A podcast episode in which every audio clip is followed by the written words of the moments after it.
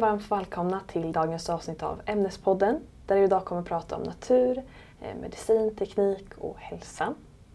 Eh, mitt namn är Asemina och jag pluggar teknisk samhällsvetenskap, eh, civilingenjör då, på LTH. Och den utbildningen valde jag just för att eh, jag tycker det är härligt att läsa lite olika naturvetenskapliga ämnen. Och jag valde då Lund just för att eh, den här utbildningen finns bara här. Så det är lite exklusivt och så. Eh, och nästkommande personer som är med idag ska också presentera sig själva och vad de pluggar. Så vi kan väl börja här. Mm. Jag heter Angela och jag pluggar till logoped. Jag går eh, till min sex. Och eh, anledningen till varför jag valde att plugga till logoped är för att jag tycker om människa. Eh, jag tycker det är kul med språk och kommunikation, både typisk och avvikande. Yes. Ja, och Robin heter jag. Läser, vilken termin jag läser? Jag läser mitt, min sista termin på mastern, så jag har läst tre år här på Lunds universitet. Jag pluggar kemi. Jag vet inte om jag sa. Men eh, jag, läst, jag valde att läsa kemi för att jag tycker att eh, det är skitcoolt. Eh, och eh, att bygga molekyler är väldigt spännande och att förstå eh, hur molekyler byggs och vad de kan användas till, till exempel läkemedel. Det, det var därför. Mm. Mm. Jo men kul. Jag också ska, kanske ska tillägga att jag läser fjärde året. Så jag har varit här i Lund eh, några år nu och jag trivs väldigt bra. Så det är kul att, eh, att göra reklam för ett ställe man trivs väldigt bra på. eh, I det här avsnittet så inleder vi med lite information kring vad det finns för olika typer av utbildningar eh, på de olika fakulteterna som vi representerar. Eh, sen så kommer vi gå in på lite följarfrågor vi har fått eh, och svara lite på dem utifrån våra personliga erfarenheter. Och sen slutligen så kommer vi prata lite om livet efter studierna. Vad man egentligen kan bli efter att man har läst eh, på några av våra fakulteter eller på Lunds universitet. Eh, och vi börjar lite då med ämnesinformation. Eh, och då börjar Robin prata lite om naturvetenskapliga fakulteten. Ja.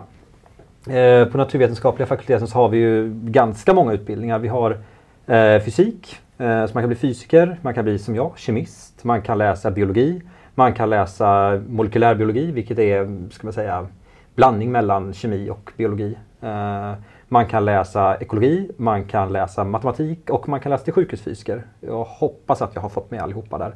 Ehm, så det är en ganska bred, vad ska man säga, naturvetenskapliga fakulteten är ganska bred i vilka ämnen man kan välja att plugga. Eh, vi har även naturvetenskapligt basår, eh, inte att förglömma, vilket är skitbra. Om man känner att man vill plugga naturvetenskap men kanske inte har betygen så kan man plugga det. Mm. och ehm, ja, vad, är det, vad mer ska jag säga om, om utbildningarna förutom det att ehm, de, ja, såklart det är ehm, kandidatutbildningar och man kan även läsa master efteråt så att det är tre år eh, kandidatstudier och sen två år master. Yes. Mm. Okej, okay. och Angela? Mm. Jag pluggar ju vid medicinska då. Och det finns totalt åtta stycken utbildningar.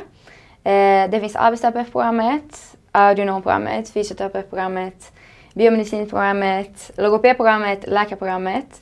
Eh, det finns också röntgensjuksköterskeprogrammet och sjuksköterskeprogrammet. Men det finns även eh, hälsovetenskapligt basår. Och eh, det är så att logopedprogrammet läser man fyra år. Läkarprogrammet läser man sex och eh, resterande program då läser man i tre år. Hälsovetenskapligt basår är ju två terminer. Eh, yes. Mm. Mm. Okej. Okay. Eh, ja, så utbildningarna då på LTH. Eh, här i Lund så har vi ett campus och så har vi ett i Helsingborg. Jag börjar lite att prata om civilingenjörsutbildningarna som vi har här, eh, här i Lund. Eh, och man kan väl börja se lite att gemensamt för alla dem är att man har tre grundår där de flesta kurserna är förutbestämda. Eh, man läser ganska mycket matte. De flesta läser lite programmering och lite andra typiska ingenjörskurser men det kan också skilja sig åt lite. Eh, och man har ja, ganska mycket matte just i ettan då för att få en, en bra bas att stå på. Eh, och någonting som, som vi har på LTH är ju olika sektioner som har uppkommit. Så jag tänker att jag går igenom dem lite så som de är sektionerade, eller vad man ska säga. Eh, så vi börjar då med D-sektionen, så ingår där datateknik. Eh, där man, ja, det är mycket programmering, man lär sig att utveckla olika typer av datorprogram och så. Eh, och så ingår även utbildningen informations och kommunikationsteknik. Eh, där det är lite fokus på internet, säkerhet, interaktionsdesign och sånt. Och man läser ändå mycket matte och programmering. Sen har vi E-sektionen. Där ingår elektroteknik. Eh, där man läser matte, fysik, ellära och ja, lite sånt stuk. Men där ingår även medicin och teknik. Där man får lära sig utveckla olika typer av men kanske apparater och bli den som har koll på att sånt fungerar på ett sjukhus. Eh, och sen på I-sektionen eh, så är det då industriell ekonomi och där så blandar man liksom. Det, eh, de pratar om att det är baserat på integrationen mellan matte, teknik, ekonomi, management. Eh, så det är den sektionen. Och sen K-sektionen, där ingår kemiteknik. Där man blandar liksom kemi, teknik på ett annat sätt. Så det kanske är mer liksom olika processer som sker och när man vill tillverka olika saker så måste man ju tänka på vilket tryck och temperatur det ska vara. så. Eh, sen ingår även bioteknik där. Eh, och där är det mer då åt ja, biologihållet med genteknik och processteknik. Eh, och så kan man hålla på lite med allt möjligt sen. Sen har vi då W-sektionen, eller V-sektionen. Eh, ehm, eller V-sektionen är en annan, men där ingår eh, där eh, ekosystemteknik.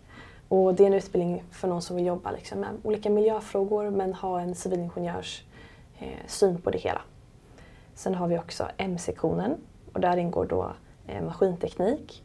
Eh, och det är inte bara då att man håller på med maskiner utan då förenas klassiska ingenjörsämnen med bland annat teknisk design, ekonomi, miljö. Och det är mycket så produkter och material och logistik. Man kan lite välja vad man vill bli sen. Eh, och så finns det även maskinteknik med teknisk design där det är extra mycket fokus på den tekniska designdelen. Eh, så där pratar man om att man kombinerar klassisk maskinteknik med industridesign. Eh, och sen har vi då F-sektionen, den jag tillhör. Där har vi då teknisk fysik där man har väldigt mycket fysik och matte som man är på namnet. Och man blir liksom en, ja, en väldigt bra problemlösare som många gillar att ha sen. Det blir man alltid men där är det extra mycket, ja, ska man säga, brett.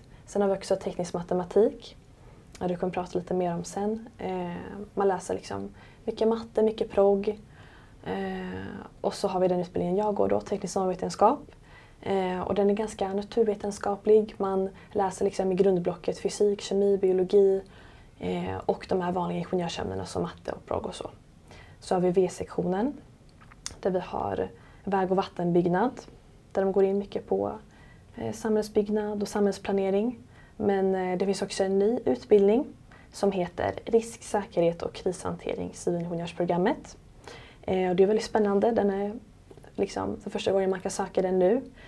Och då är det centralt i den utbildningen att man ska kunna med ingenjörens verktygslåda förstå och lösa olika problem som rör olika risker som kan ske. Till exempel nu med pandemin, hur det har varit och så. Att som en ingenjör så kan man, är man en speciell typ av problemlösare och då är det ganska nice att eh, många olika företag kan, kan uppskatta att man har just koll på det här med risk, säkerhet och olika typer av krishanteringssaker. Eh, och då läser man matte, progg, statistik eh, men också riskkunskap och ledarskap och sådana saker som man har koll när man går ut sen i arbetslivet. Eh, så den fick lite extra fokus där i och med att den är så ny. Eh, sen har vi också lantmäteri och det är ju nice om man är lite mer ekonomi och samhällsintresserad. Eh, för då blandar man ekonomi, juridik och teknik. Man blir en civilingenjör. Och sen, det var alla civilingenjörslinjer. Så förutom dem på Lund campus så har vi också brandingenjör. Eh, och alla de jag nämnt innan så går man då tre år och sen väljer man de två sista åren specialisering. Får man välja mycket själv vilka kurser man vill gå utifrån en pool av kurser. Då, då. Eh, men eh, brandingenjör är tre och ett halvt år och då får man eh, en liksom, naturvetenskaplig teknisk grund att stå på med mycket ja, information om brandfenomenet och brandförlopp så att man vet vad man ska göra. Eh, vad, man, vad, man, vad, man, kan göra sen. Liksom. Eh, innan var det att brandingenjör var väldigt starkt kopplat till den här riskmastern. Och sen har vi också inte ingenjörslinjer, eh, man ska säga, och det är A-sektionen. Så då har vi arkitekt, där temat är liksom, ja, men arkitektur, stadsbyggande, Eh, men också lite interiör och möbeldesign och så. Eh, och det är en utbildning på, på fem år, så man får en kandidat och sen master. Eh, och sen finns det också industridesign som leder till en konstnärlig kandidatexamen. och då är det mycket att det innebär att man ska delta i hela processen kring en produktframtagning. Från idé till en färdig produkt. Så vi har också lite mer estetiska utbildningar där. Men vi har ju också en campus i Helsingborg. Ehm, och där har vi då högskoleingenjörslinjer vilket innebär att man läser tre år eh, och så är det kanske lite mer praktiskt lagt, eh, kanske inte lite då, eh, teoretiskt. Så är du färdig ingenjör efter tre år eh, och då har vi följande. Eh, byggteknik med arkitektur, byggteknik järnvägsteknik, byggteknik väg och trafikteknik, datateknik och så elektroteknik med automationsteknik. Eh, och någonting som är superbra är då att även om man kanske inte har gått natur eller teknik eller har de eh, förkunskaperna som, eh, som behövs då för att läsa till ingenjör så kan man ju gå ett tekniskt basår och det har vi då på vårt Helsingborg campus. Eh, och läser man det och får godkänt och så så har man också automatiskt en plats på en av högskoleingenjörsutbildningarna ifall man skulle vilja gå det. Men eh, man har ju också då eh, rätt förkunskaper sen för att söka till civilingenjörsutbildningarna. Eh, så det kan vara en jättebra väg att gå med de här olika basåren som vi har. Mm. mm. Eh, så yes, det är väl det jag hade att säga om mm. de olika utbildningar vi har på LTH. Väldigt många. Mm. Väldigt, väldigt många. men jag måste bara fråga, progg, är det bara att man håller på med så proggmusik? Eller? Progg, ja men bra fråga. Ja. Eh, vi gillar mycket förkortningar ja. så om man läser eh, prog, pro, olika sorter av programmering så brukar vi kalla det för progg. Okay. Jag förstår. Eh, så det är det jag brukar säga. Eh, eller kanske bara jag. Okej, så nu kan vi gå vidare till de olika frågorna som eh, våra följare har ställt. Mm. Eh, där den första då är Vad är skillnaden mellan att läsa matematik på LTH och på naturvetenskapliga fakulteten? Ja, Robin. Ja. Vad skulle du börja med att säga? Ja, alltså det beror väl på. Man kan ju läsa en renodlad matematikutbildning på naturvetenskapliga fakulteten. Så man läser en en eh, kandidat eh, i matematik mm. som är tre år. Eh, där man ju kan bygga upp sin utbildning ganska, det finns ju det är ett visst antal kurser som man ska läsa som är obligatoriska och sen kan man ju, som på de flesta av våra naturvetenskapliga de, på kandidatprogrammen så är det många som man, man bygger ihop det själv men med ganska mycket obligatoriska kurser och så får man en kandidat i matematik. Ehm, men sen så sen, sen, kan man ju också, så också många andra naturvetenskapliga program innehåller ju också matematik. Kemin innehåller ganska lite matematik om man väljer att bli liksom labbkemist. Men sen kan man ju bli teoretisk kemist och då sitter man ju framför en dator med progg hela dagarna. eh, nej, men, eh, så då, då sitter man ju med, med kvantmekanik och statistisk termodynamik. Jätte, jätteintressant. Kanske, kanske inte låter så men det är, det är coolt alltså. Eh, och, eh, och så naturligtvis om man ska bli fysiker så då är det ju mycket matematik också, kvant, eh, bland kvantmekanik och sådana saker. Eh, så att det är ju mycket matematik. Även biologerna läser ju också viss, viss matematik. För att den är ju viktig om man till exempel ska kunna tolka data, kunna liksom, statistik och sådana saker. Man ska, hur man ska liksom redovisa det och sådana saker. Det är ju viktigt. Men det beror lite på, alltså mellan program till program och sådana saker. Men, det finns matematik på många, men den är inte så svår eh, kan jag säga. Jag vet inte hur det är på LTH, är matematiken svår?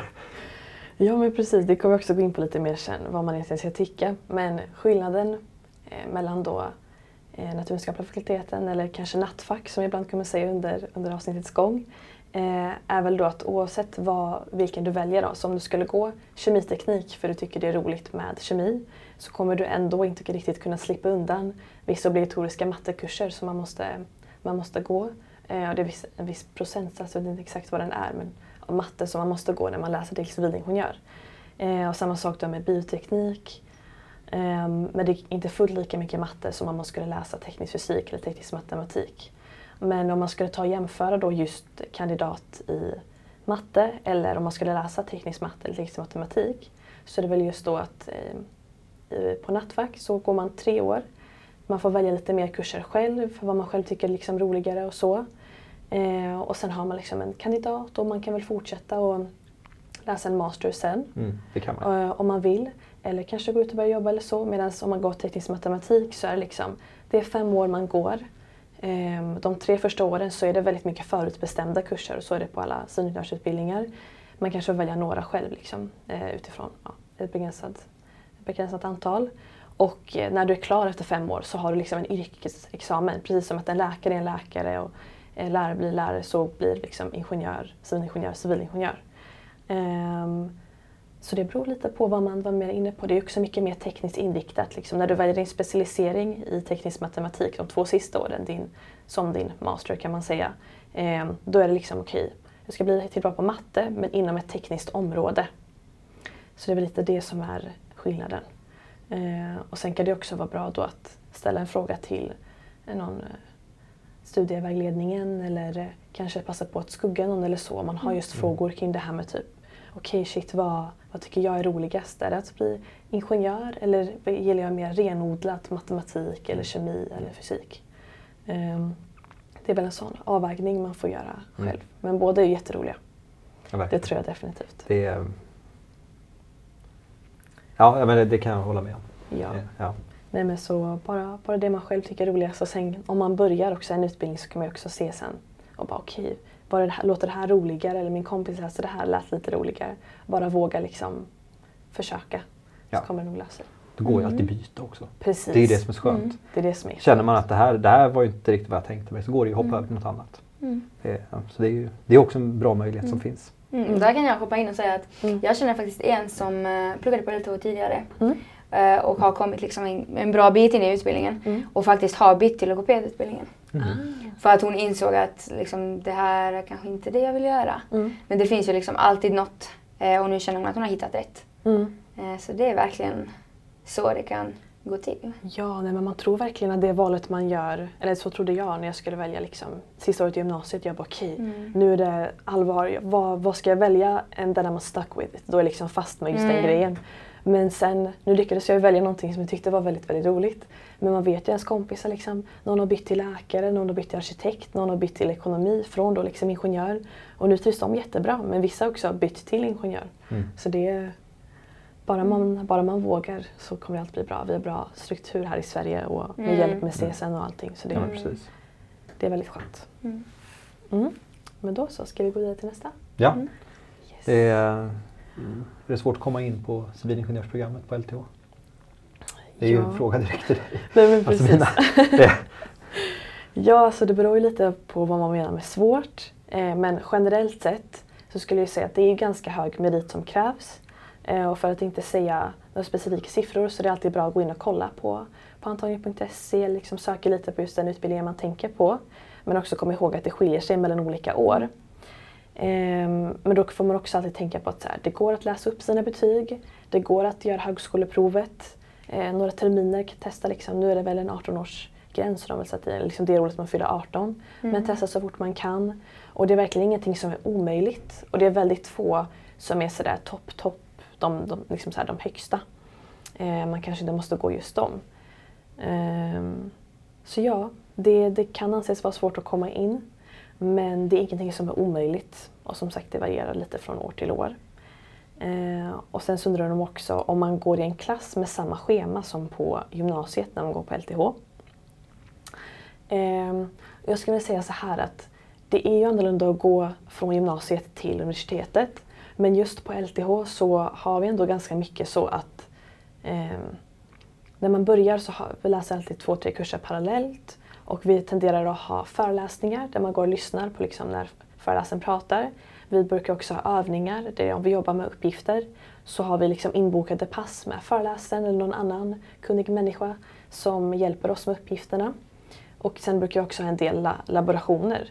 Så vi är ganska mycket, liksom, jag tror jag, eller man är övergripande för alla våra utbildningar, att vi typ mm. ganska mycket schemalagt egentligen. Mm. Eh, om, man skiljer, om man kollar på att det skiljer sig från andra utbildningar på Lunds universitet. Mm. Eh, och då blir det ju automatiskt lite mer gymnasieschemakänsla. Ja, ja precis. Mm. I och med att vi har mer eh, så. Men det är självklart, det, det är annorlunda och det, kan, det är ju lättare att man kanske skippar att gå på en föreläsning mm. eller, eller så. För annars brukar man ju vara i skolan varje dag liksom, från bestämda tider. Mm. Så det är väl en, en skillnad. Mm. Ehm, sen är det också klasserna. De flesta är ju ganska mycket, man brukar inte kalla det för klasser liksom. Och de är ganska mycket större. Det finns många som är så här, ja, men runt 100 personer. Mm. Ehm, men det finns ändå några mindre och man hamnar i mindre grupper i labbar och sånt. Så det blir ändå någon typ av gemensam känsla. Och med nollningen man har i början så blir det ändå Eh, det var där jag hittade mycket kompisar som jag pluggar med än idag. Och genom olika övningar och laborationer så hittar man lite pluggkompisar.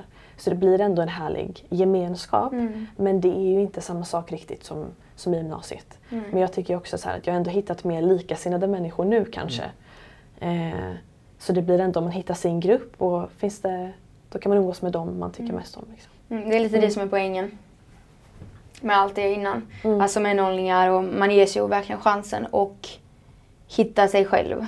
Mm. Och på vägen hittar man ju människor som, som alltså är helt fantastiska och liksom man hjälps åt Mm. ehm, i vad den gäller. Eh, Så sant. mm. Det är det som är så härligt med att läsa på universitetet för att man får verkligen, man omger sig med, med likasinnade. Alltså det är, de jag läser kemi med, de är ju där för att läsa kemi. Det är Mm. skitroligt. Det är ju liksom, till skillnad från alltså, gymnasiet när vissa kanske tyckte ett, ett ämne var roligare än andra men här är det bara kemister och jag älskar ju kemi. Så att det, är ju liksom, det kan ju inte bli bättre. Så att, ja, Mm. det är, Ja, Mm. Ja. Nej, men definitivt. Man får ändå den här Mm. alltså, härliga känslan. Mm. Yes, men då så. Eh, nästa fråga är lite samma stuk och det är då, är matten svår på LTH? Ehm, Mycket matte. Det är mycket matte, det är sant. Eh, man ska inte ljuga och säga att det är superlätt. Eh, men jag tycker ändå, samtidigt ändå det, det är väldigt annorlunda att börja plugga på, LT, på LTH eller på högskolan. För att i gymnasiet så läser man ju eh, grov överdrift, 100 ämnen samtidigt. Man har Mm. väldigt mycket som pågår och man kanske inte har haft den här tiden att lägga 100% på matten. Men här är, läser du ju max då eh, tre kurser, vissa undantag, eh, samtidigt. Eh, och då kan man lägga mycket mer tid på enskilda kurser. Du är där för att lära dig det. Om man har hittat de här pluggkompisarna, du har övningsledare, du har föreläsaren. Du kan alltid gå och fråga och vill du verkligen lära dig så kommer det att gå. Ehm, så den första mattekursen man läser är också väldigt mycket repetition från gymnasiet. För att se till att alla har samma eh, bas. Eh, och första året, i alla fall i någon av mattekurserna eller delkurserna, så har man också någonting som kallas för SI, som står för samverkansinlärning. Eh, och jag har också varit sån eh, SI-ledare, där då en äldre student träffar förstaårsstudenter ett pass i veckan och planerar lite olika aktiviteter. Eh, och så får den här gruppen, det handlar om aktiv inlärning. Så föreläsaren, eh, när man går på en föreläsning så är det passiv inlärning. Du sitter där och tar emot massa information. Men här på SI-passen så får ni liksom lösa uppgifter tillsammans, diskutera olika begrepp. Och det brukar hjälpa väldigt mycket och statistik visar också att de som går på de här SI-passen brukar lyckas bättre på tentorna. Men de här SI-passen hjälper också folk att, eh, men att inte hoppa av utan att fortsätta liksom orka och, och läsa utbildningarna. Och det är någonting som är väldigt bra för att även fast det känns lite jobbigt kanske precis i början så brukar folk, det brukar också inte bara vara för att man är dålig på matte utan det är en helt ny typ av, av sätt att plugga på och alla brukar lösa det liksom till slut. Eh, så jag vet, folk, eh, jag vet att folk kanske inte har haft matte som deras starkaste grej i gymnasiet men ändå har lyckats bra. Men man måste ju också säga att man måste ha någon typ av fallenhet för matte för att läsa till ingenjör. Eh, men ingenting är omöjligt såklart. Med viljan så går det. Med viljan så Mm. går det här, verkligen. det är, I Ja. agree. verkligen. Mm. Yes, Mm. det är väl det. Mm. Då så. Mm. har vi nästa fråga. Nästa fråga, som är nummer fyra. Mm. Mm. Är det mycket engelska på fysioterapeutprogrammet? Yes. Eh, det är så att det är inte jättemycket engelska. Eh, för att på, när man läser i medicinska, eh, de utbildningarna förutom biomedicinska programmet är på svenska. Eh, så det är liksom svensk, eh, det undervisas på svenska och vi pratar svenska. Biomedicinska som sagt, utropstecken, det är på engelska. Eh, så det får man verkligen kolla upp och liksom vara införstådd med. Eh, att det är engelska som gäller. Dock eh, så förekommer det att vi har litteratur, eller på LKP-programmet i alla fall, som är på engelska. Så det händer att litteraturen är på engelska. Det kan också artiklar vara eh, och så vidare. Men mestadels av litteraturen faktiskt är på svenska. Så, så, så svaret här är då fysioterapeutprogrammet engelska. Ja, det finns artiklar och det finns ju vissa böcker som kan vara på engelska. Men överhuvudtaget så är det svenska som gäller. Eh, och så är det, ja förutom då på biomedicinska programmet. Där är allt på engelska.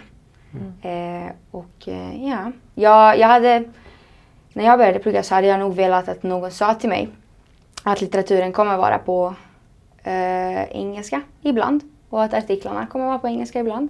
För det var jag inte förberedd på. Och och jag har inte kollat upp det innan. Eh, så det är liksom ett tips eh, som man kan göra om man är nyblivande student. Mm. för det spelar verkligen stor roll. jag personligen har inte problem med engelska på det sättet. Jag har, har lätt för språk, därför jag pluggar till logoped. men ja, verkligen något att, att liksom lägga krutet på. Mm. Att kolla upp informationen innan. Så att man är liksom säker på det. Mm. Yes. Ja, nej, men det är väldigt sant. Alltså, just det här med att de kastar verkligen bara engelska på en. Mm. Och det är inte någonting som man kanske tänkte på när man skulle börja söka. Mm. För det är samma, så jag vet inte nu, det skiljer sig åt mellan de olika ingenjörsprogrammen. Men för mig var det ändå, som du säger, när man ska börja mm. läsa vetenskapliga artiklar och nu på masternivå, eh, för de två sista åren brukar inte man kalla mastern på civilingenjör, så eh, är det ju, de flesta kurserna jag läser är ju på mm. engelska. Liksom. Mm. Så att även eh, internationella studenter som kommit och ska läsa i mm. master eller utbytesstudenter också kan läsa dem.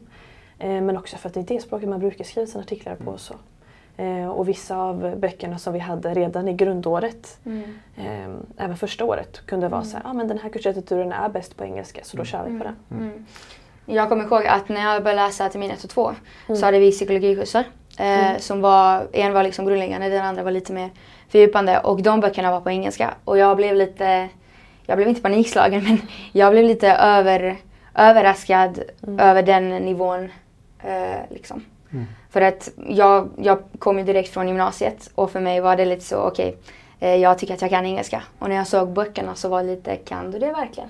Men det löste sig. Mm. Eh, och det gör det alltid för att man blir van eh, och man bygger upp sin egen studieteknik eller bygger på den man redan har. Mm. Eh, så liksom, ha det i åtanke. Eh, men det är ingen stor grej. Mm. Eh, mm. Mm. Yes, nästa fråga. Hur skiljer sig det nya läkarprogrammet från det gamla? Mm. Det har varit mycket snack eh, kring det. Eh, och det viktiga är då att man läser sex år nu. Så man har gått från 330 högskolepoäng till 360 högskolepoäng. Eh, och man får då sin läkarexamen direkt efter. Så man ansöker om legitimationen och så får man sin läkarexamen. Det är det som är största eh, förändringen. Eh, sen efter avslutade studier så kan man ju göra BT eh, eller så gör man inte det. Och efteråt kommer då specialiseringarna och allt annat. Mm. Och där rekommenderar jag att man kollar upp det. Det finns ju studievägledarna som verkligen kan informera om det i detalj och, och ja. Mm. BT, vad är det för någonting? Bastjänstgöring. Jaha, ja. är det som var AT förut eller? alltså, så som jag har förstått det så har man tagit bort AT. Aha, ja. eh, men man kan välja att göra BT. Okay. Eh, så det, mm. det är det. Mm. Yes. Eh, sen kommer en fråga som jag är expert på. Mm. Eh, Logopedprogrammet har mycket neurologi termin 5 och 6, men vad innebär det? Eh, det är så här att logopedprogrammet har en del av ämnena, det vill säga kurser, som är kopplade till neurologi. Så man ser på vissa neurologiska, vad ska man säga, eh, besvär ur ett logopediskt perspektiv. Så det är inte neurologi i sig som man läser utan det är till exempel om en människa får stroke och så får den stroken hamna i hjärnan och så hamnar den på vänster hjärnhalva så drabbas språket. Vad gör vi då som logopeder? Det är det det handlar om och då är det termin 5 eh, och den kallas för en neurotermin. Mm. Eh, så man har eh, neuropraktik och så Oftast är man på sjukhus och så träffar man lite olika patienter. Eh, de kan till exempel vara, ja, eh, ha haft stroke för tre månader sedan och så kommer de på uppföljning. Eller så är det människor som har haft stroke för tre dagar sedan. Eh, och har då besvär med sitt språk eller ett annat, ett annat besvär som är logopediskt kopplat. Termin 6 är den terminen jag läser nu och där är det mycket fokus på röst. alltså hur fungerar en frisk röst? Hur fungerar en sämre? röst. Varför fungerar den som det ska? Eh, det handlar väldigt mycket om ljud mm. eh, och eh, liksom hur vi bildar röst. Vad är det man ska ha med sig? Man ska ha sin magstöd. Att, eh, hur fungerar lungorna? Liksom, hur hjälper de till? Och så. så logopedprogrammet är i grunden uppdelat i olika terminer. Och terminer och de terminerna är fokuserade på olika grejer. Så ju längre man är inne i utbildningen desto mer specifik blir man. Eh, men termin fem är det mer neurologiska, eh, neurologisk tematik så att säga.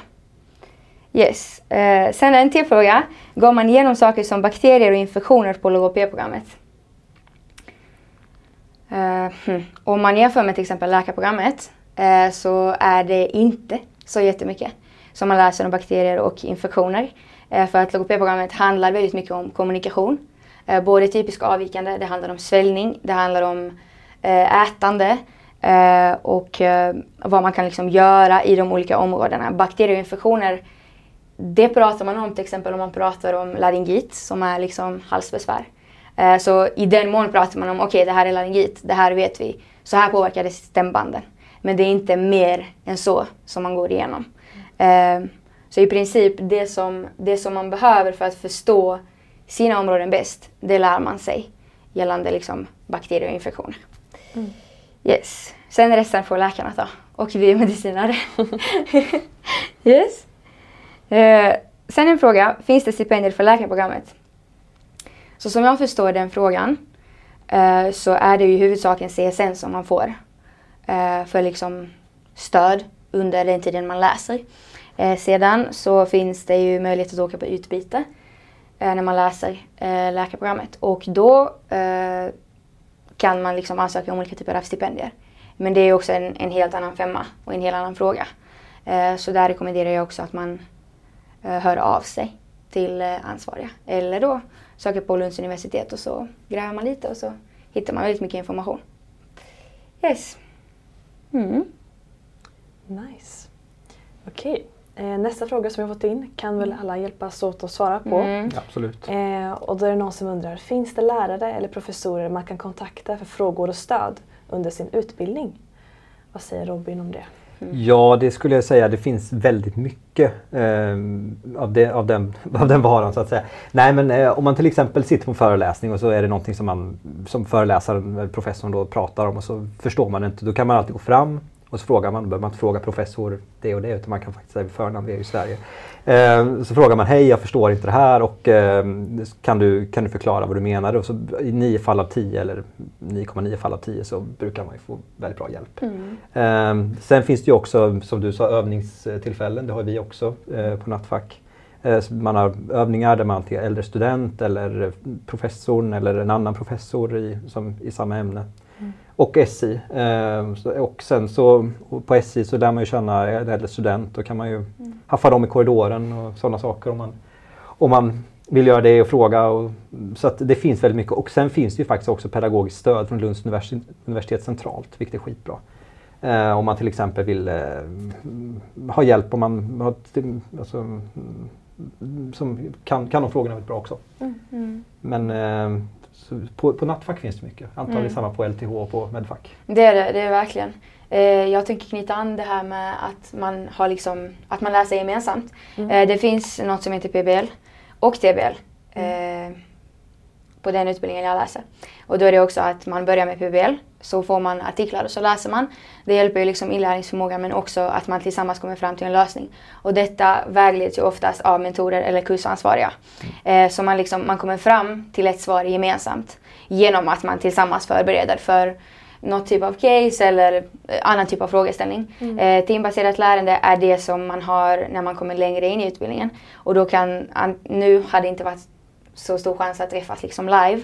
Eh, för det underlättar mycket men i alla fall via Zoom eller en annan plattform mm. som hjälper liksom eh, ja, att liksom besvara de, de frågor man har. Eh, så det, det är väldigt viktigt med det här gemensamma inlärningen för den största hjälpen har man faktiskt av sina kursare. För det är de som sitter i samma båt och det är de som, som verkligen förstår en. Eh, så det är en, en jättestor hjälp man har, mm. eh, tänker jag mig. Sen har man ju såklart stöd och så. Um, mm. Mm. Nej men jag håller definitivt med er båda. På är det också så att jag känner att man kan ha bra kontakt ändå med föreläsaren även om det inte är på samma sätt. Att de mm. kommer inte ha koll på har du gjort din läxa, har du gjort det du ska? Eller om du, de märker kanske inte om du är borta en föreläsning liksom och inte är lika bra. Mm. Eller kanske inte koll på namn och så för det, mm. det brukar vara ganska många. Mm. Men man kan ändå gå fram i pauserna och fråga, på övningar fråga. Om man har labbar brukar alla våra labbhandledare kanske vara doktorander och de är också jätteöppna för frågor och bara de Alltså bara någon som är i den positionen och ska hjälpa dig, om de ser att du är taggad på att lära dig den här kursen och de ser liksom att nej, den här personen vill verkligen lära sig, då brukar de ta, liksom ändå ta emot dig med öppna armar. Mm. Och det finns vissa professorer som föredrar att kanske ha, ja men från den här tiden, de här dagarna, liksom så här, mellan de här timmarna så kan ni komma. Eh, och ställa massa frågor. Och Typ som frågestunder? Precis, Office precis. hour ja. ja, precis. Mm. Ja, office hour. Och, och det är så här, det är hur nice som helst. Mm. Och det är liksom det största tipsen från oss alla är bara våga fråga.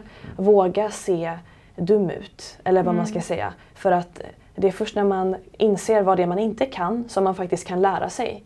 Eh, och oftast om man har en liten fråga ibland så kan det vara så att säger du till någon annan så får du svar inom fem minuter. Men försöker du läsa på själv kan det ta dig flera timmar. Så definitivt testa att plugga med andra, våga fråga professorer eller studenter. Eh, Så kommer det gå supernice. Man lär sig så mycket tillsammans. Mm, det är verkligen så. Sen tänker jag också att det är väldigt viktigt att man inser att även om man precis har börjat en utbildning, eh, att man faktiskt har äldre kursare. Mm. Och det är också människor som liksom har varit där och vet hur det är. Så de kan man alltid fråga för de förstår. Eh, det är inte så att de kommer liksom undra liksom, vad, vad, vad pratar du om? Utan de vet verkligen vad det är du går igenom nu. Så de, eh, de kan vara stor tillgång. Eh, mm. Håller definitivt med. Mm. Okej, nice. Ska vi köra nästa? Ja, absolut. Okej. Eh, hur kan examinationer se ut och hur långa är de? Hur är det för dig Angela? Hur examineras ni? Ja, vi examineras eh, genom tentor och tenta är ett annat namn för prov. Eh, det är dock lite större prov som kan variera i både liksom omfång och hur länge de pågår. Eh, det är så att en tenta kan till exempel pågå i flera timmar. Eh, så från två timmar till typ fyra, fem, sex timmar.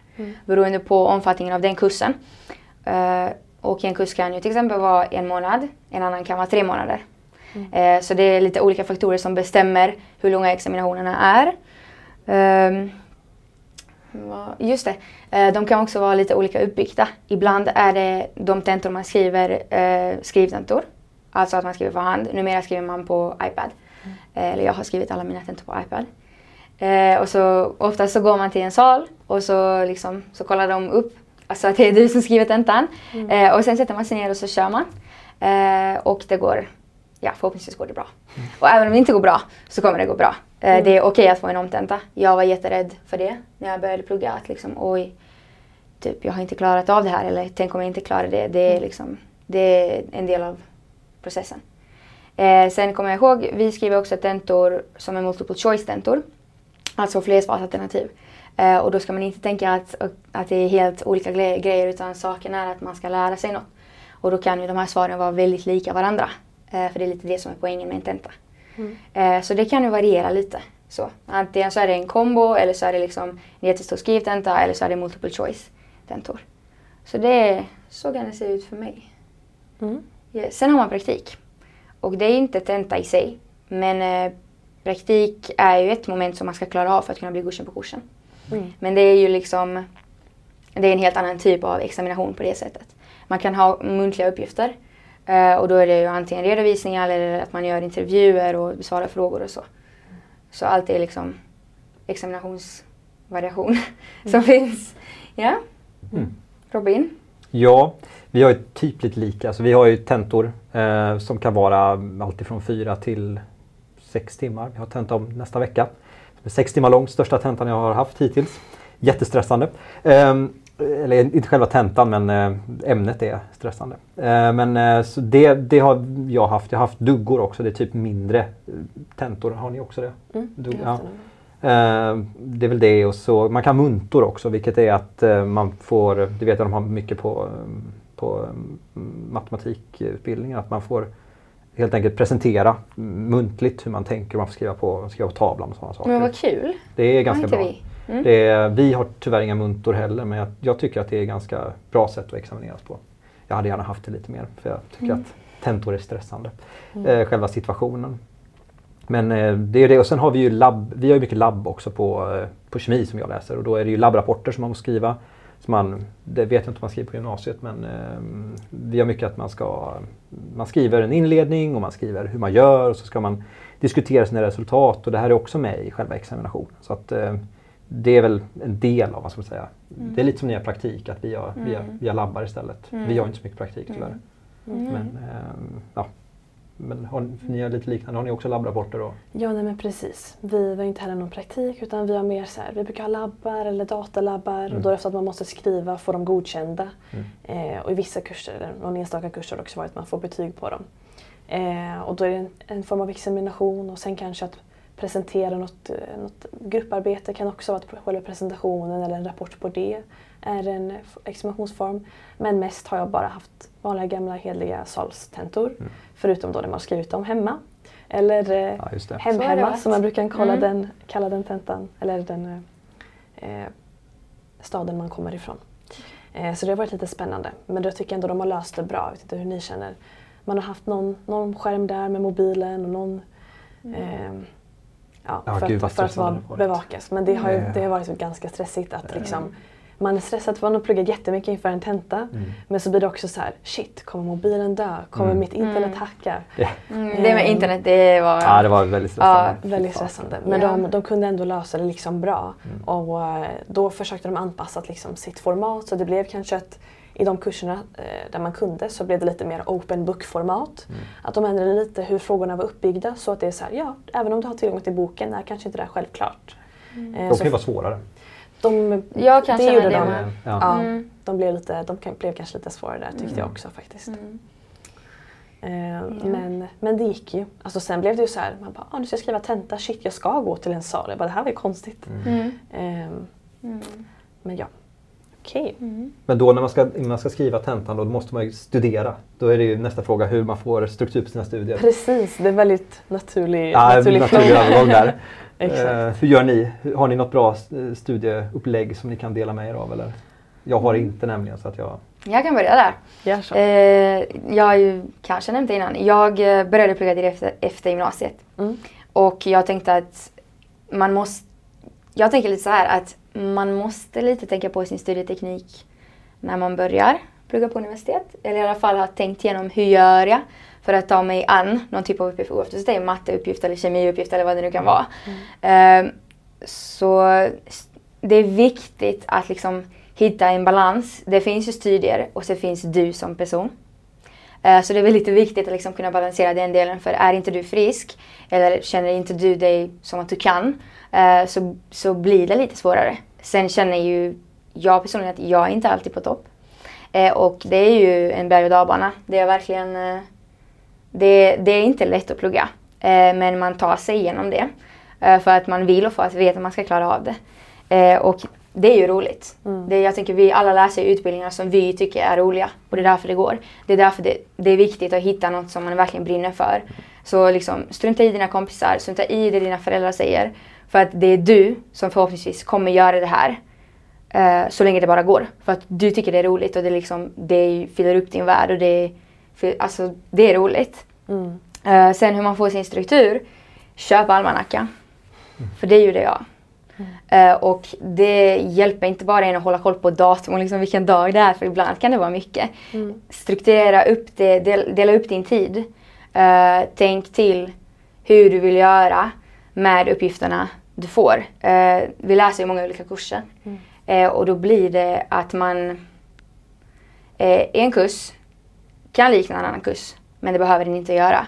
Eh, jag kan känna att när jag har praktik som löper parallellt med teoretiska kurser så krävs det verkligen att jag delar upp min tid eh, in i minsta detalj. För liksom den timman som jag inte vill göra det eller som jag tycker ah, men jag tar det sen, den kan spela stor roll.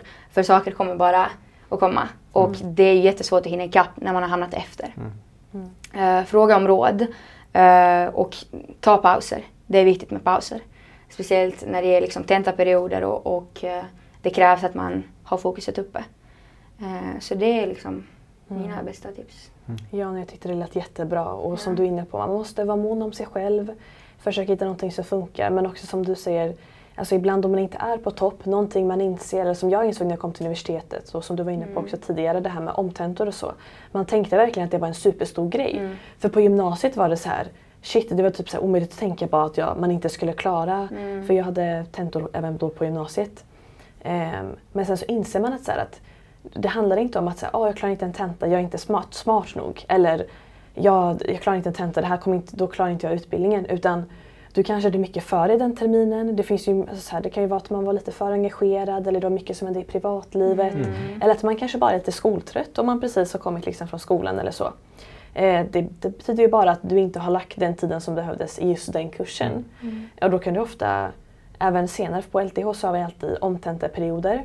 Eh, så vi har omtenteperioder i eh, april, maj, några veckor där, där vi liksom avbryter utbild, liksom så här, annan eh, utbildning. Eh, så man får lite tid att vila men också då eh, plugga upp kurser. Ehm, och sen också i slutet av sommaren i augusti har vi också en sån omtentaperiod. Och det är verkligen absolut ingenting farligt, det är något som de flesta går igenom.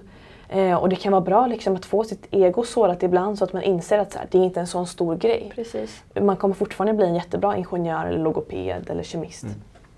Eh, men med strukturen där, definitivt att eh, försöka inte lata sig för mycket i början av en kurs utan försöka vara någorlunda i fas, även om det inte alltid går. Eh, och se till typ att hitta ens egen studieteknik. För när jag började på LTH då hade jag så här jag hade kanske inte den bästa studietekniken men jag blev typ, jag gjorde mig själv mer stressad. För jag tänkte, åh jag pluggar inte som alla andra. Mm. Så typ stressade jag upp mig själv även fast jag visste att det kanske egentligen funkade för mig. Så, så här, vad pluggar du bäst? Hemma? Eller i skolan? Själv? Eller med andra?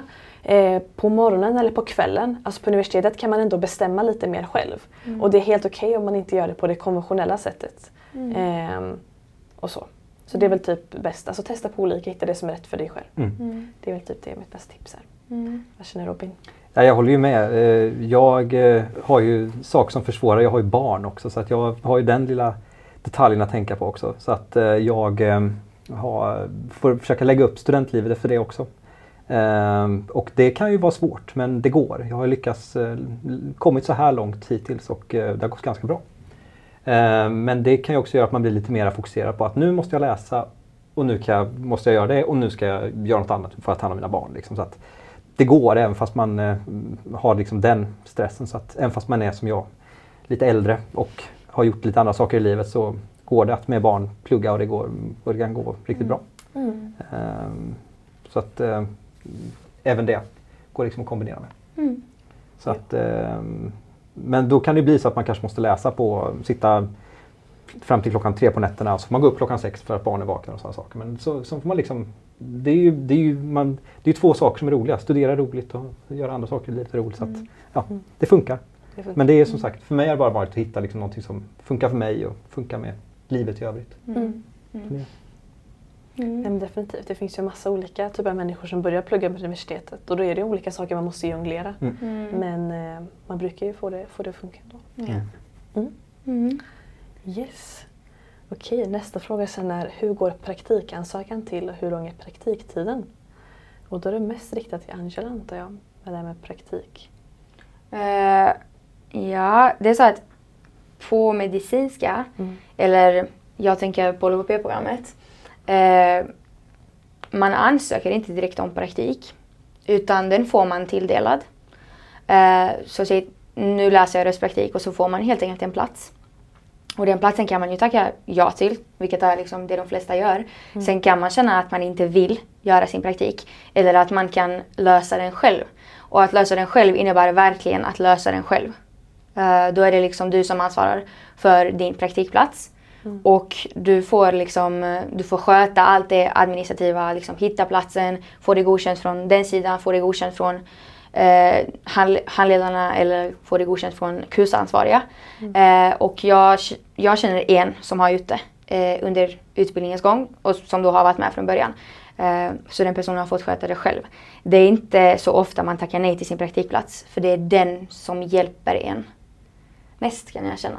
Eh, det är det som är liksom, praktiken. Den, på den lär man sig hur man ska göra i det verkliga livet. Eh, dock så har man ju såklart en, en handledare. Någon som hjälper och vägleder och har läget under kontroll.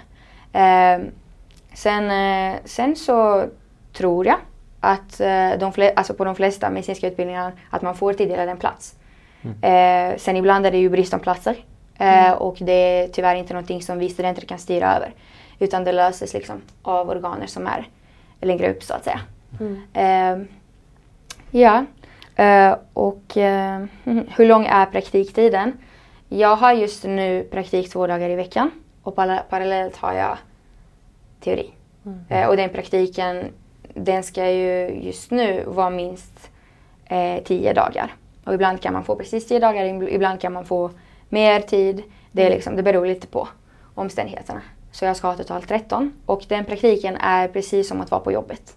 Det är så här det kommer se ut. Så dagarna kan starta 8 och sluta 5. Uh, ja, det, är liksom, det varierar lite. Och på praktiken får man chansen att testa på det man ska göra. Så jag får liksom ta emot patienter och jag får göra bedömningar och liksom ge återkoppling och liksom lyssna på hur de sväljer och ja, göra språktester och så. Mm. Eh, under då mentor, mentorskap så att säga. Mm. Så det är väldigt roligt med praktik. Det är absolut en av de bästa, eh, bästa delarna av utbildningen. Det är därför man, man går dem, tänker jag mig. Mm. Mm. Mm. Ja, det låter väldigt roligt att applicera liksom, det man lär sig direkt. Och som mm. du säger, det är inte förrän då man känner, mm. känner av det. Mm. I och med att jag läser mycket teoretiskt så blir det typ det praktiska blir typ när man då har labbar. Mm. Ehm, och jag är lite mer teoretiskt lagd men det låter väldigt roligt liksom att, mm. att få pröva på. Mm. Det är det. Och jag startade min praktik termin tre. Så det, är liksom, det har gått ett och ett halvt år och sen var vi ute på praktik. Mm. Så det är ganska tidigt mm. Eh, in i utbildningen. Och som sagt, jag är på termin sex nu. Så ja. Mm. Mm. mm. ja, ska vi köra på nästa? Absolut. Eh, hur många timmar per dag och hur många dagar per vecka lägger man på studier? Ja, vad skulle ni säga? Jag läser nog varje dag, mm. ska jag säga. Även på helgerna. Mm. Okay. Eh, det funkar för mig. Jag tycker det är roligt. Mm. Eh, men, eh, och det, det, får man ju anpassa lite själv. För mig funkar det att läsa, alltså kanske, jag är på universitetet sex timmar och sen så har jag några timmar ledigt på eftermiddagen, kvällen och sen så sätter man sig vid åtta och läser till elva, tolv och sen så går man och lägger sig. Det brukar jag göra mellan, mellan fem och sju dagar i veckan beroende på. Men ja, det funkar för mig. Eh, och eh, tänker att är man som jag över 30 så kanske man behöver lägga lite mer tid för att få saker och ting att fastna. Jag vet inte. Men eh, det, det är individuellt och det är individuellt vilken kurs man läser också. För att mm. är, det en, är det en väldigt tung kurs så får man ju lägga ner väldigt mycket tid och är det en kurs som, man är lite, som är lite lättare eller lite tråkigare så får man ju ja, de lägga kan vara lite, lite tråkiga. Ja, det finns. Det förekommer ju. Men de är ju viktiga att plugga på också men eh, det är kanske så att man lägger lite mindre tid på för att det kanske inte är ens favoritområde. Mm, det, ja. Hur gör ni? Ja, nej, men jag tycker alltså definitivt, man brukar ju säga att så här, heltidsstudier motsvarar 40 timmar i veckan. Mm. Och skulle man, plugga, alltså skulle man sätta ut det så här, jämnt över vardagarna skulle det bli 8 till 17. Och jag skulle också säga att jag är, här, jag är lite mer flexibel med mm. hur det faktiskt blir. Att jag kanske inte sitter så länge medan vissa dagar sitter jag längre. Men jag tycker definitivt att det, i den utbildningen jag har valt så kan man inte sticka under stolen med att så här, jag kommer inte riktigt undan med mindre plugg än så. Eh, I alla fall för mig, liksom, för att jag ska känna att jag eh, hinner plugga det jag behöver och så. Sen vet jag att det finns andra som så här, ja, men det, kör typ på den vardagssituationen och det funkar skitbra för dem. Eh, och sen kanske de tar ledigt på helgerna och så. Mm. Eh, och, sen, och det är också, man hittar typ sin studieteknik för varje för varje år som går. Mm. Och sen kanske man lär sig mer hur man pluggar mer effektivt så att man inte måste sitta lika länge. Um, men jag vet liksom, man brukar prata om att olika utbildningar kanske ändå tar olika mycket tid. Och det, det är från människa till människa men jag brukar ändå behöva sitta minst 40 timmar i veckan. Mm. Mm.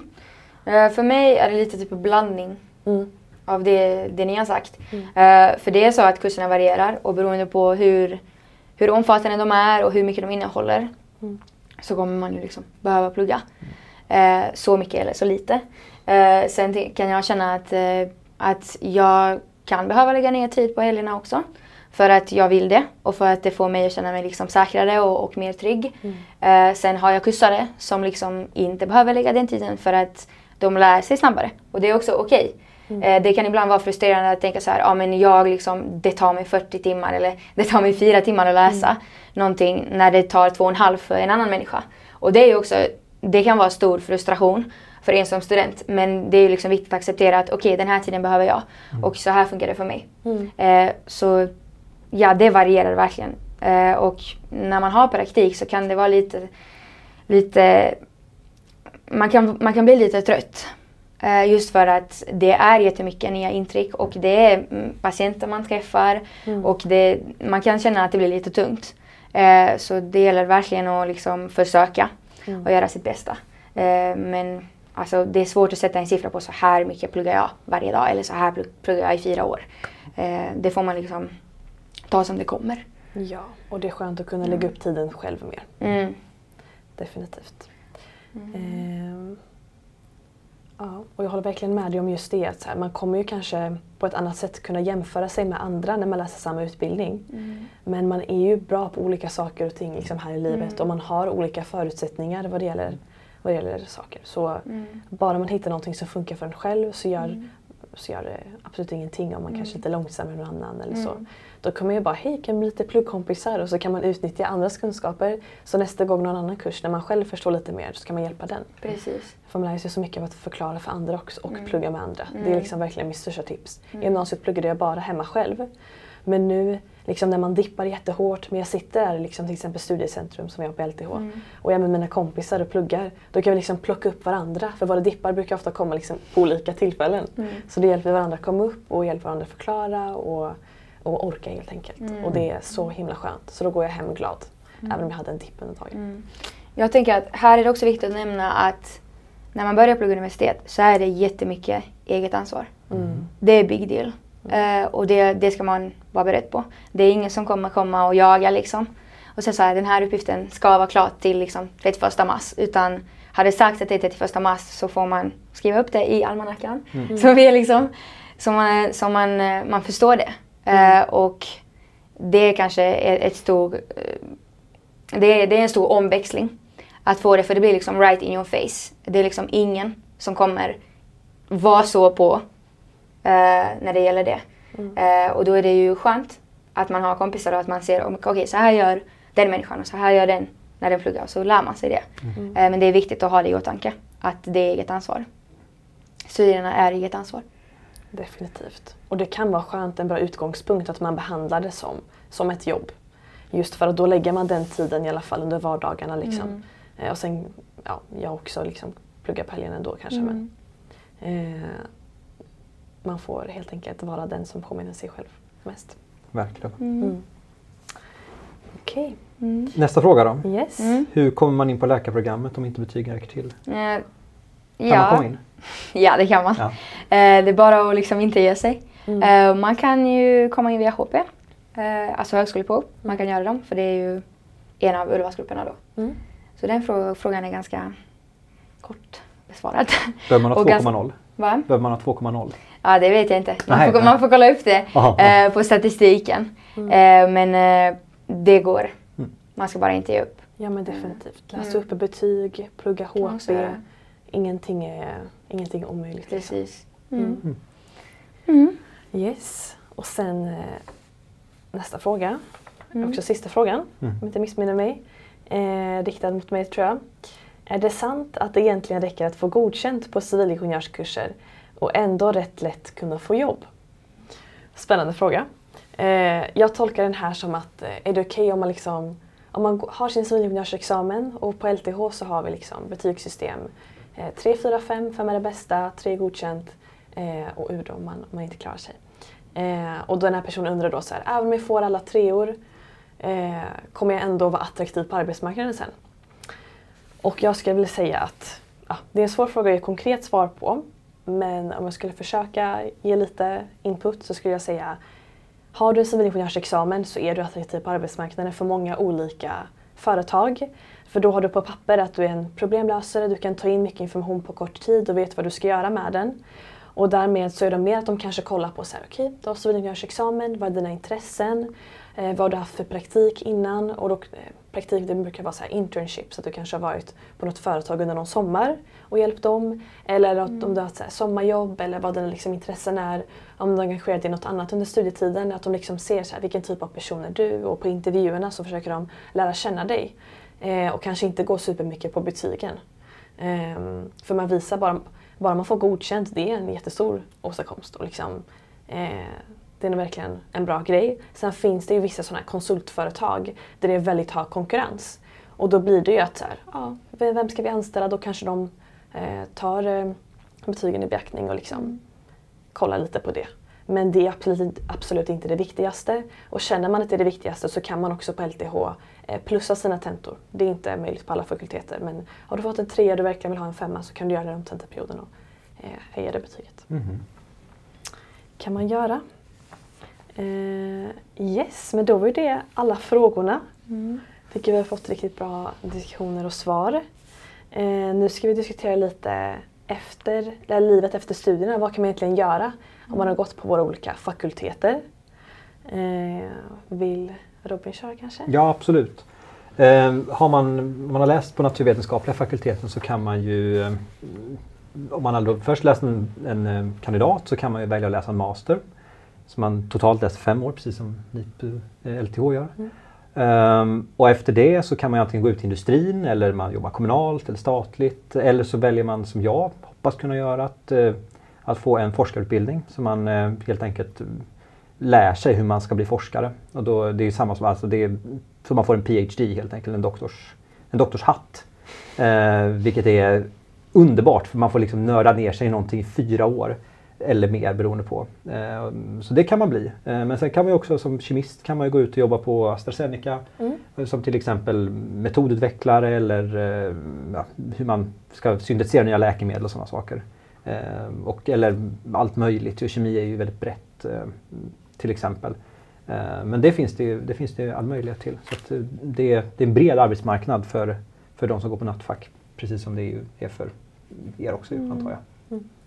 Vad kan man bli som civilingenjör? Ja, nej, men precis. Eh, jag brukar alltid säga att som, som civilingenjör eller som ingenjör allmänt eh, Oftast om man läser till lärare blir man ju lärare, om man läser till läkare blir man läkare. Och visst blir man ingenjör också när man läser ingenjör. Men det man ska jobba med sen eh, kan ju skilja sig väldigt, väldigt mycket åt. Det kan ju vara så att så här, okay, har jag gått en utbildning i kemiteknik så kanske jag jobbar just med processteknik med olika sådana här gaser eller tillverkning av olika material eller vad det nu kan vara. Men i och med att man utbildad civilingenjör så är man ju sådana problemlösare på papper som man också brukar säga. Och då kan det vara så att man har ett mer generellt ingenjörsjobb. Det kan vara så att man hjälp, går in i ett företag och hjälper och är projektledare. För man har en bra, om man har en bra problemlösningsförmåga och man kan se saker från ett stort perspektiv så kan man också gå in och ha den typen av roll. Eh, eller bli konsult så att till exempel man är med en konsultfirma och andra företag eh, anställer dig för att du ska, de bara, "Ja, men vi har det här problemet, vi vill göra om det här materialet till det här. Eller det kan också vara mer generellt att vår struktur i företaget ser ut så här nu, vi vill ändra den. Hur gör vi det? Och även fast det kanske inte är just det man har pluggat innan eh, så är det ändå någonting man kan jobba med sen. Men man kan också efter att man har pluggat på LTH eh, doktorera. Mm. Någonting som jag också funderar på. Att man liksom blir, blir forskare och grottar in sig i just det man tycker är roligast. Eh, Så det finns väldigt mycket olika saker man kan göra vilket jag tycker är ganska skönt. Att eh, man kanske jobbar med något med några år och sen byter man.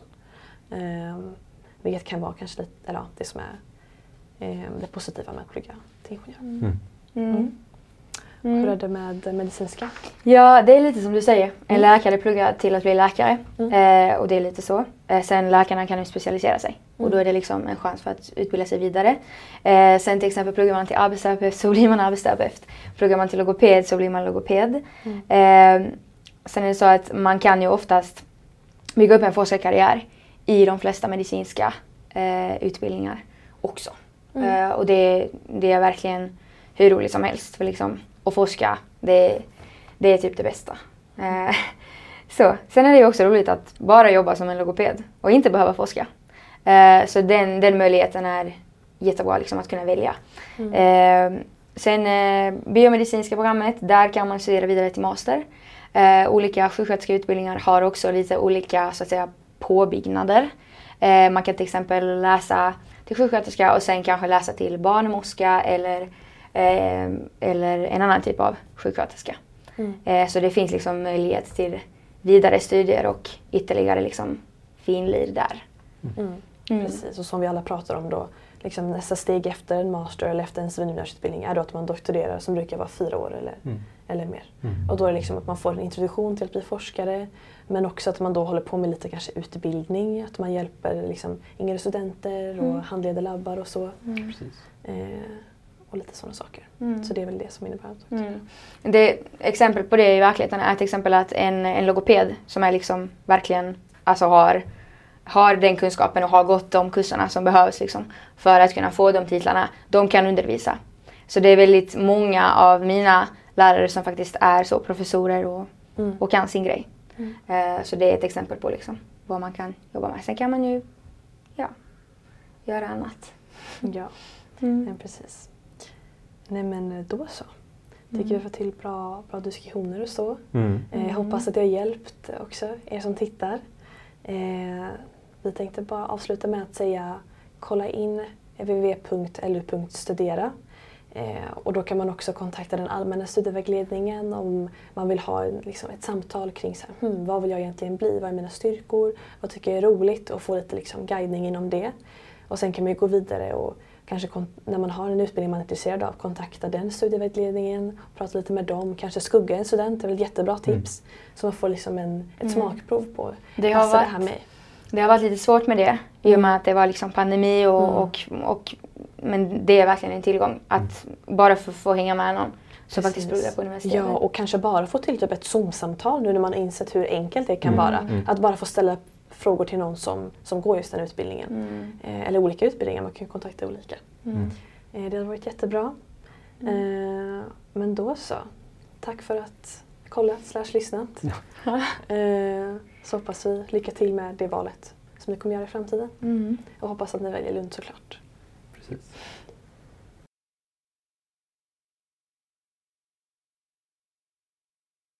Thank